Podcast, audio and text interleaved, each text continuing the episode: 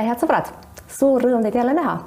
teemad on täna tõsised, nagu nad viimasel ajal ikka on olnud ja mul on hea meel tutvustada teile Eero Jansonit, pagulasabi juhti täna siin stuudios.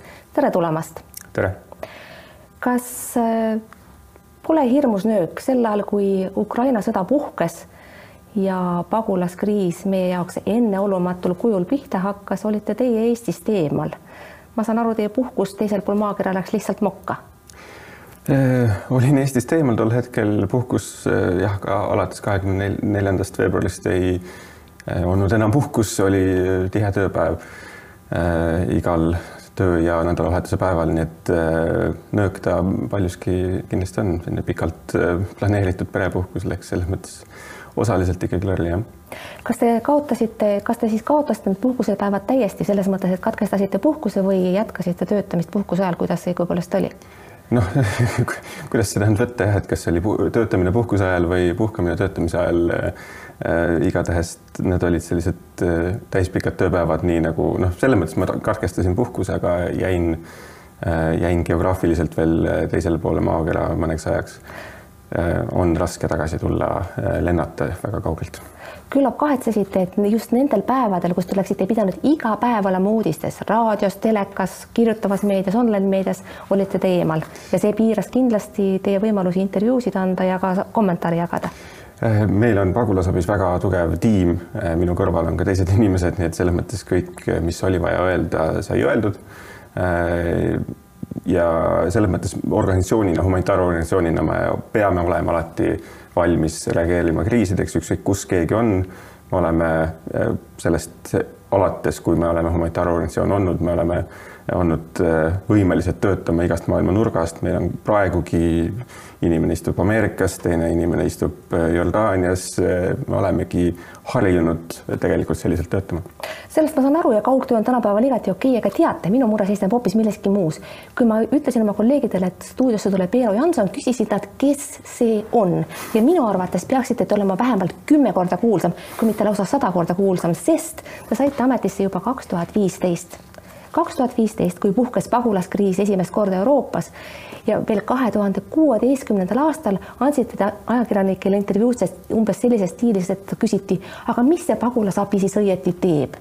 ja noh, praegu on aastad möödas ja tegelikult iseenesest on võimalik küsida samamoodi, kas see on siis ajakirjanike ignorantsus, et nad ei tea, mida teie organisatsioon teeb või on see äkki natuke teie enda tegemata jätmine ka, et teie juhitav organisatsioon ei ole piisavalt pildil, kuigi põhjust on küll ja veel ma usun, et me oleme eriti veel viimased kuu aega vägagi pildil olnud äh, ja kõik need aastad äh, varem samuti. see, mis me praegu teeme Ukraina suunas, aga meil ei ole ju katkenud ka kõik need muud tegevused, mis, äh, mis toimuvad meil viies erinevas riigis, pluss veel Eestis. Need ei, jätkuvad täpselt samamoodi ka praegu. teate, räägime kõigepealt sellest asipuntrast, mis pagulaste ümber on kerkinud, et mul on selline tunne, et kogu see abistamise süsteem on üles ehitatud sedaviisi, et üks käsi ei tea, mida teine teeb. siia on seotud omavalitsused, on seotud riik, siis on meil olemas hädaolukorra ühendstaap ja takkapihta siis veel mõned teised osapooled, kes kõik tahavad abi pakkuda, aga enamasti see ei õnnestu. missugusel kohal kogu selles kangas või süsteemis asetseb Eesti pagulasabi? No meie tegelikult tegutseme praegu just selle Ukraina kriisi kontekstis kolmes erinevas äh, suunas, me oleme ma julgen öelda, ainukene Eesti humanitaarorganisatsioon, kes praegu tegutseb Ukraina sees, meil on oma tiim äh, Zaporižžjas baseeruv tiim äh, koha peal, me teeme seal multipurpose cash assistance'it, noh, rahapõhist sekkumist. me toetame haiglaid. ehk siis me teeme väga palju Ukraina sees. teine suund on see, et me töötame Äh, siis evakuatsioonide suunal, ehk siis me evakueerime Eestiga seotud inimesi Poolast äh, Eestisse. ja kolmandaks siis on kogu see toetus ja, ja tugisüsteem, mis, mida me teeme Eestis, siin äh, puudutab see nõustamist, meil on infoliinid, kuhu inimesed helistavad, meil on andmetöötlejad, kes vaatavad läbi majutuspakkuvaid, pakkumisi ja, ja siis need inimesed, kes match ivad inimesi, kes vajavad majutust nende pakkumistega, mis meie andmebaasi on koondunud ja muidugi on siin ka väga palju teisi abipakkumisi organisatsioonidelt, asutustelt äh, ja, ja lisaks äh, muidugi kogu see koordinatsioon, nagu te viitasite, äh, ka ühendstaabi ja, ja kõikide teiste riigiasutuste ja kohalike omavalitsustega, kes seda kõike siis omalt poolt veel koordineerivad. Aga kuidas, missugusel kohal te olete, et kuidas, kuidas see süsteem niimoodi omavahel toimib, et segadust on nii palju, mismoodi kes, kelle, kelle otsa ma peaksin vaatama, kui ma, kui ma tunnen näiteks abipakkujana, et äh, mind ei võeta kuulda, minu häält ei, minu häält ei kosta kuidagi, ma ei saa aru, kuidas see süsteem toimib, et kes on see inimene, kelle otsa peaks vaatama, kes vastutab kogu selle süsteemi toimimise eest, kas teie, kas peaminister, kas mõni kohaliku omavalitsuse juht või siis seesama hädaolukorra ühendstaabi juht? Äh, sõltub sellest küsimusest, ma arvan, äh, kui inimene näiteks pakub äh, majutust, on edastanud selle majutuspakkumise meie andmebaasi pagulasabi.ee kaldkriips paku abi, sinna jätkuvalt on majutuspakkumised oodatud, siis meil on viisteist andmetöötlejat, kes seda andmebaasi kogu aeg läbi vaatavad, siis töötlevad läbi neid andmeid, mis sinna sisestatakse, vajadusel täpsustavad inimestega neid ja, ja siis toimub see match imine. Äh, aga vaat just, aga vaat just sellest räägimegi, et äh, ka mina olen üks neid, kes on pakkunud sellisel kujul abi ja mul on väga palju tuttavaid, kes on andnud üles siis oma kas ühe toa, korteri või maja, kellel kuidas võimalik on. Ja kõik nad on saanud mingisuguse tänukirja, mis on iseenesest ju tore küll, aga mitte ükski neist ühegi, ühegi juurde ei ole jõudnud reaalsed abivajajad. Ja ma küsiksin kõigi nende inimeste nimel, kes on oma abi pakkunud ja kellel ei ole võimalik olnud seda abi kuidagi realiseerida, kus on meie pagulased, keda me tahame aidata, kelle jaoks me oleme andnud üles need pinnad ja oleme saanud ainult tänukirja noh, see töö käib pidevalt, et neid abipakkumisi ja abivajadusi kokku viia. Äh, ma arvan, et see, see kedagi. probleem, no mina tean. Äh, me oleme kokku match inud ligi kakssada perekonda abi siis pakkumistega. eks kakssada perekonda, ligi kakssada perekonda on saanud majutuse siis meie andmebaasi kaudu. aga kui palju on neid inimesi kes on ennast andnud üles näiteks majutajana, et kes, kes veel ootavad? meile on sinna andmebaasi ligi kolm tuhat pakkumist üles pandud. kõigil ei jagu võib-olla pagulasi üldse selles mõttes äh, tuleb ka aru saada, et need pakkumised on väga-väga erinevad. Äh, esiteks on seal äh, kaetud kogu Eesti geograafiliselt, eks ole, et pakutakse küll Võrumaa kauget talu kui ka Tallinna kesklinna korterit teiseks pakutakse väga erinevaid asju, et pakutakse küll korterit sellisel kujul, et tüüri pole vaja maksta esimesed pool aastat näiteks, kui ka seda voodit kuskil tagumises toas ja, ja mõistagi me äh, eelistame alati neid, neid äh, pakkumisi, mis asuvad äh, linnades, sest sinna tahavad ka inimesed ise elama minna, neil on vaba valik valida tegelikult, kuhu nad elama lähevad. ja, ja samuti neid kus kohas inimesel on või sellel perekonnal, kes on Eestisse saabunud, kes on väga haavatavas olukorras, on oma privaatne siiski ruum ja, ja elukoht. oota, aga ma saan praegu õigesti aru, et tallinlastel on siis eelis, tallinlastest abipakkujatel on eelis, aga samas on ju selge, et Tallinna vastuvõtuvõime ammendub, kui ta mitte juba ammendunud ei ole. ehk teisisõnu ikkagi kuskil Võrus, Kambjas, Põlvas võiksid ju inimesed saada ka võimaluse, seda enam, et ega kõik ju Tallinna niikuinii ei mahu ja seda selgitustööd ka meie nõustajad kogu aeg teevad, et Eesti on tegelikult väike, äh, liikuma saab väga hästi. Äh, teistes nii-öelda eriti maapiirkondades võib-olla on hoopis parem leida lapsele koolikoht äh, ja, ja niimoodi rahulikult sisse elada. aga lõpuks meie ei saa kedagi sundida kolima ühte või teise külla või väikelinna Äh, seda valiku teevad ikkagi inimesed äh, arusaadav. ma tahaksin teiega jagada paari näidet, mis mulle on isiklikult väga südamesse läinud, ma ei mõtle teha teid vastutavaks nende ebaõnnestumiste eest, aga võib-olla te saaksite anda mõne selgituse konkreetsetele muredele. oli üks Pärnu ettevõtja, kellel oli motell, nelikümmend kuus kohta, võitis tema hanke talle lubati, et pagulased saabuvad pani tema kõik valmis, küttis mitu päeva ette, kõik pesud olid ootamas ja mees keetis isegi või tellis, ma ei mäleta mm, -hmm. mitu liitrit suppi, kümme liitrit või palju seda seal oli selle supi pidi ta pärast koos naabrite ja koos nende koertega ise ära sööma ja kogu see kütmine läks ka vastu taevast, sest mitte kedagi ei saabunud. ja see inimene kirjutab sotsiaalmeedias, lükkasin eile majal suurema osa küttest välja, suppi oleme sõprade koos korraga ära söönud, lipp enam ei lehvi ja ausalt öeldes ma olen kurb, mis, mis toimub, midagi ei saa teha ja kuidagi aidata ka ei saa minu majutus ei sobi, kuigi leping on mul taskus ja esimese hanke ma võitsin. mida sellisele inimesele öelda, kes südamest aidata tahab ja kellel lihtsalt tõmmati vaip alt? Esiteks see küsimus on Sotsiaalkindlustusametile. see praegune süsteem on selline, et äh, kui inimene saabub Eestisse, siis äh, äh, see nii-öelda see esimene ajutine lühiajaline majutus, seda tagab Sotsiaalkindlustusamet, need on need äh, hanked ja need kurikuulsad kümme tuhat äh, kohta, millest äh, tegelikult üle poole on reaalselt kasutusse läinud. hange muidugi antud juhul, kui ma nüüd Sotsiaalkindlustusametit siis nii-öelda vahendan, tähendab tegelikult seda, see kümme tuhat, kümme tuhat kohta tegelikult eksisteerib paberil, et need ongi just nimelt hanke võitnud majutusasutused kes on siis äh, valmis sellise äh, hulga ruume maksimaalselt siis sõjapõgenike majutamiseks lühiajaliselt kasutusele andma. see ei tähenda seda, et kogu aeg ootab kuskil kohas kümme tuhat voodit, sest hotellides on ka teised külastajad samal ajal ja, ja selles mõttes need ei ole nagu eelbroneeringud ehk siis see, ma arvan, see kümme tuhat on natukene üle müstifitseeritud siin no, meedias ka. mida öelda sellele inimesele, kes tahtis aidata?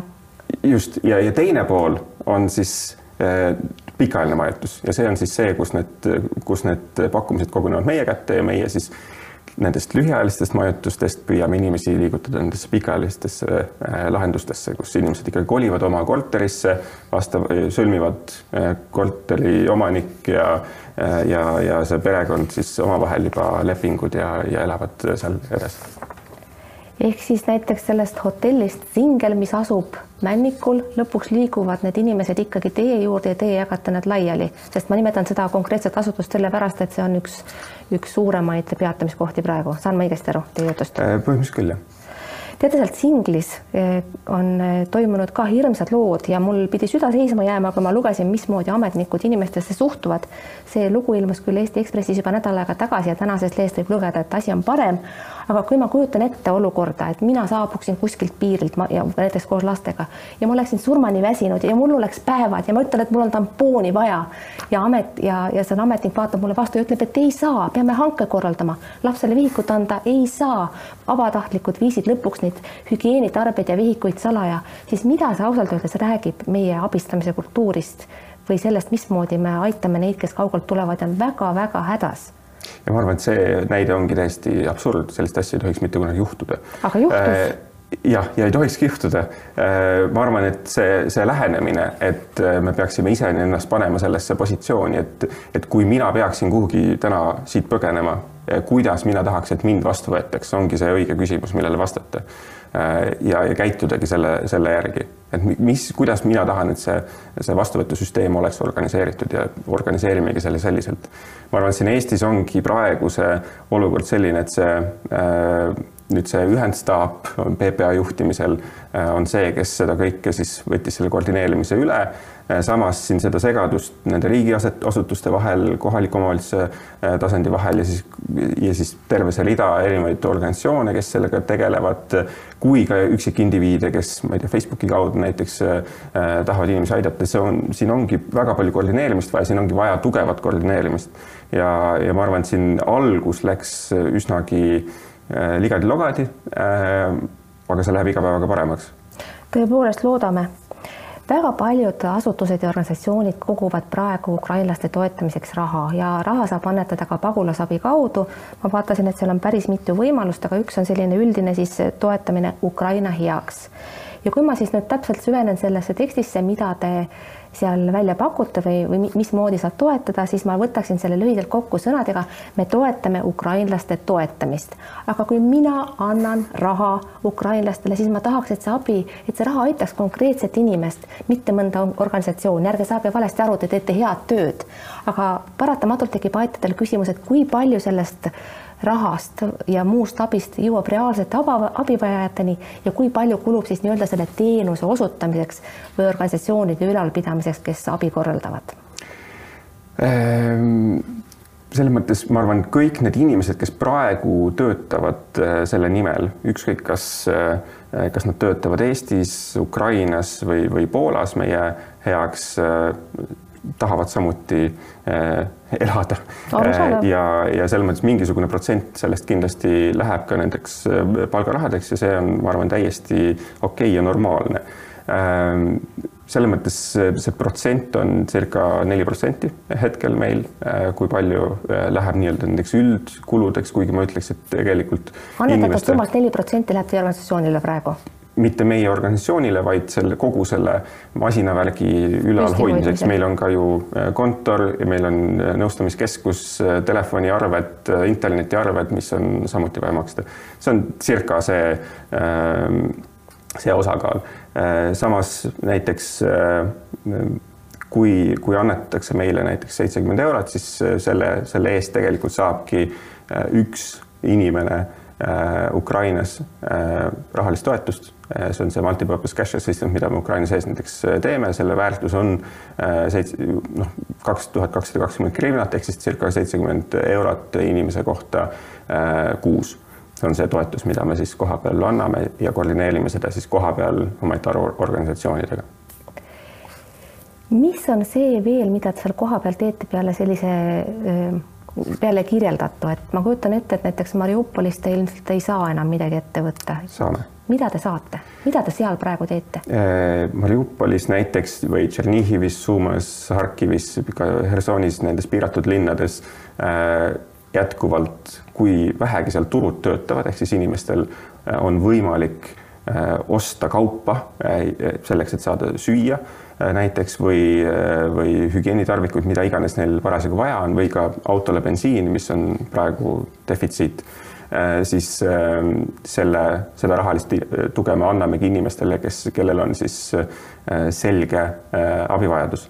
Need on siis peamiselt inimesed, kes on kaotanud oma kodu, on jäänud sisepõgenikuks, kes on kaotanud mõne lähedase, kes on saanud, saanud haavata Äh, peamiselt siis lastega pered, aga seal on, see profiil on üsna erinev, me teeme väga individuaalset äh, hindamist, et see abi jõuaks just nimelt kõige suuremate vajajateni ja mis on ka selles mõttes, kui see sõda eskaleerus siin kahekümne, see ei alanud kahekümne neljandal veebruaril, see nii-öelda eskaleerus äh, ja, ja väga kohutaval viisil, siis noh, meie saime tegelikult alustada selle programmiga võrdlemisi kohe, sest meil oli tegelikult selline äh, Äh, me oleme sellist cash-based äh, assistance'it teinud äh, Ukrainas juba palju aastaid, meil oli tegelikult kogu see süsteem juba olemas.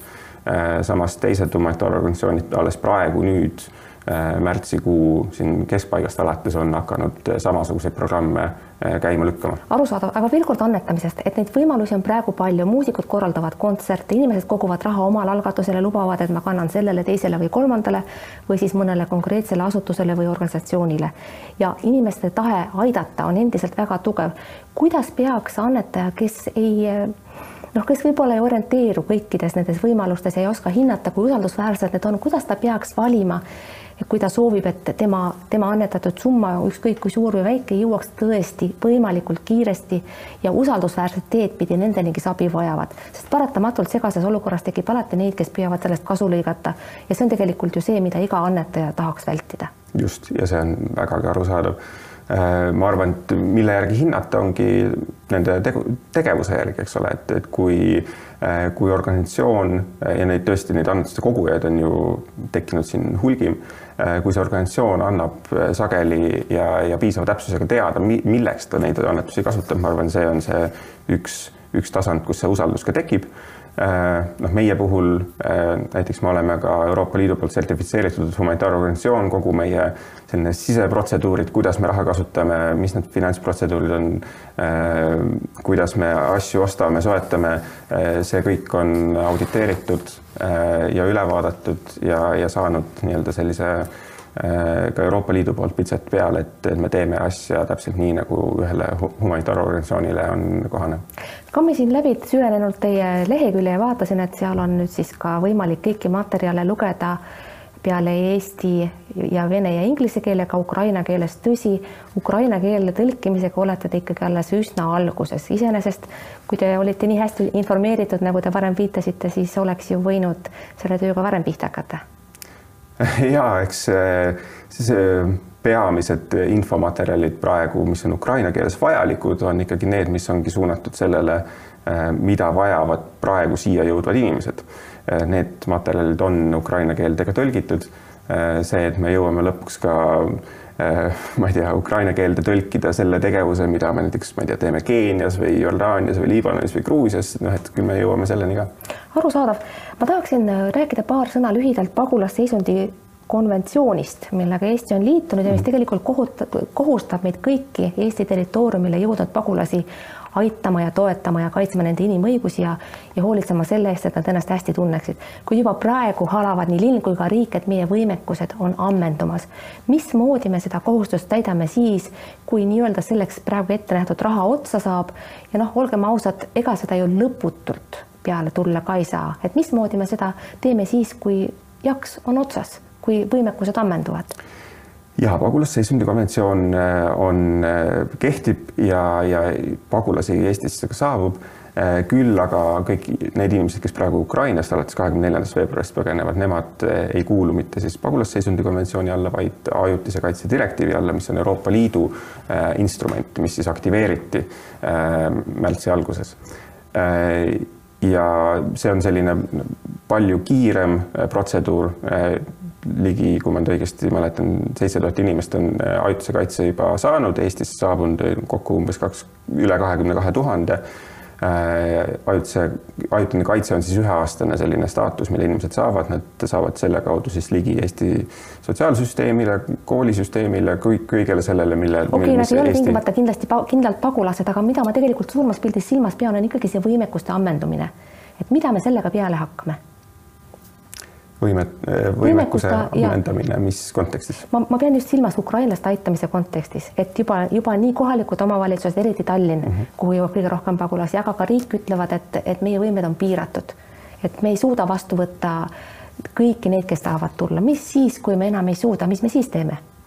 ma arvan, et see olukord on pretsedenditu, eks ole, need, need numbrid äh, on, on väga suured, kui me kasvõi meenutame kaks tuhat viisteist, kaks tuhat kuusteist, kui siin oli palju kära juba sellest paarisajast süürlasest, kes Eestisse saabus, siis noh, see, mida me praegu näeme, on, on, on nii palju kordades mastaabilt suurem.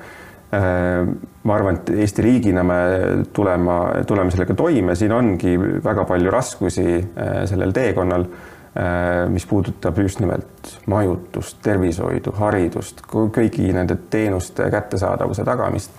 Eh, siin on väga palju tööd, mis on vaja teha selleks, et need protseduurid läbi mõelda Äh, mõelda läbi ka see, et, äh, et inimestel oleks ka keeleliselt ligipääs erinevatele teenustele, näiteks vaimse tervise teenusele, meile tuleb siia palju ka väga traumeeritud inimesi, kellel on jäänud lähedased äh, maha või, või abikaasa liiki maha, see ei, ei ole lihtne. aga mis ma tahtsin ajutise kaitse puhul veel öelda, on see, et noh, tegelikult see, see riigi otsus, et et et ajutist kaitset saavad taotleda ainult äh, alates kahekümne neljandast veebruarist riigist äh, lahkunud inimesed, Ukrainast lahkunud inimesed on tegelikult üks asi, mis võib meil tekitada äh, pik pikas perspektiivis ka probleeme, et seda ei laiendatud ukrainlastele, kes, kes olid juba Eestis. ja neid oli ju palju, Eestis on suur Ukraina kogukond, seetõttu on ka siia tulnud palju inimesi Äh, valdav osa neist on läinud äh, oma äh, lähedaste juurde, mitte ei ole vajanud tegelikult ka majutamist.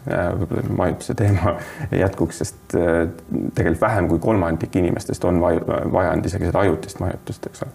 arusaadav. Erli Hansson, tahaks lõpetuseks teie käest pärida, te olete selle teemaga olnud seotud pikki aastaid ja nagu ma aru saan, te olete üks haritumaid inimesi nendel teemadel üleüldse kui tihti on teil tunne, et kannate sõelaga vett? ma pean silmas seda, et praegu me ei mõtle ilmselt enam nii väga Jeemeni lastele, kes, kellel on kõht tühi, me ei mõtle sellele, kuidas elatakse Süürias või Aleppos.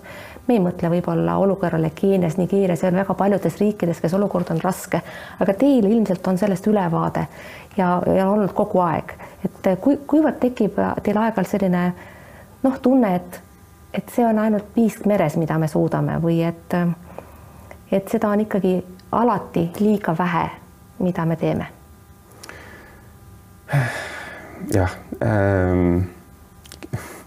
ma arvan, et, et see praegune olukord, kus me oleme Ukraina kontekstis äh, jõudnud, on noh, ma arvan, et see, see enam ei ole piisk meres, ma arvan, et see, mida Eesti praegu teeb ja suudab teha, on ikkagi äh, tohutult suur äh, väärtus, et me varasemalt võib-olla oleme natukene selles äh, solidaarsusskeemidest äh, välja jäänud pigem ja, ja, ja mitte võtnud seda lisa, lisavastutust, aga ma arvan, et see nüüd selle Ukraina kontekstis vähemalt muutus äh,. muidugi äh, sõjad on toimunud üle maailma äh, ka enne kahekümne neljandat veebruari ka Ukrainas juba, meie alustasime ju samuti Ukrainas oma tööd seitse pool aastat tagasi, see on, see on pikk aeg, mis me oleme seal tegutsenud. samal ajal on, on puhkenud, on siin ja, ja kestavad sõjad Süürias ja Jeemenis ja no Etioopias ja noh, ühesõnaga see see on see maailm, milles me elame, ma arvan, et me kõik saame teha midagi selleks, et, seda parandada. Äh, meie töötame igapäevaselt selle nimel, et, äh, et leevendada neid kannatusi mitte ainult Ukrainas ja Eestis, aga ka teistes riikides, kus, äh, kus on sellised suuremad põge-, põgenikekriisid. Eero Janson suur,, suur-suur tänu teile stuudiosse tulemast, ma loodan, et me näeme teid varsti kõikides stuudiotes, kõikides tele- ja raadiosaadetes ja kõikides uudistes, mis Ukraina kohta tehakse. aitäh teile aitäh kutsumast. aitäh, head sõbrad, et te vaatasite, vaadake teinekord ikka ja jälle, elage vahepeal nii hästi, kui see praegusel keerulisel ajal võimalik on. jääme kuulmiseni ja nägemiseni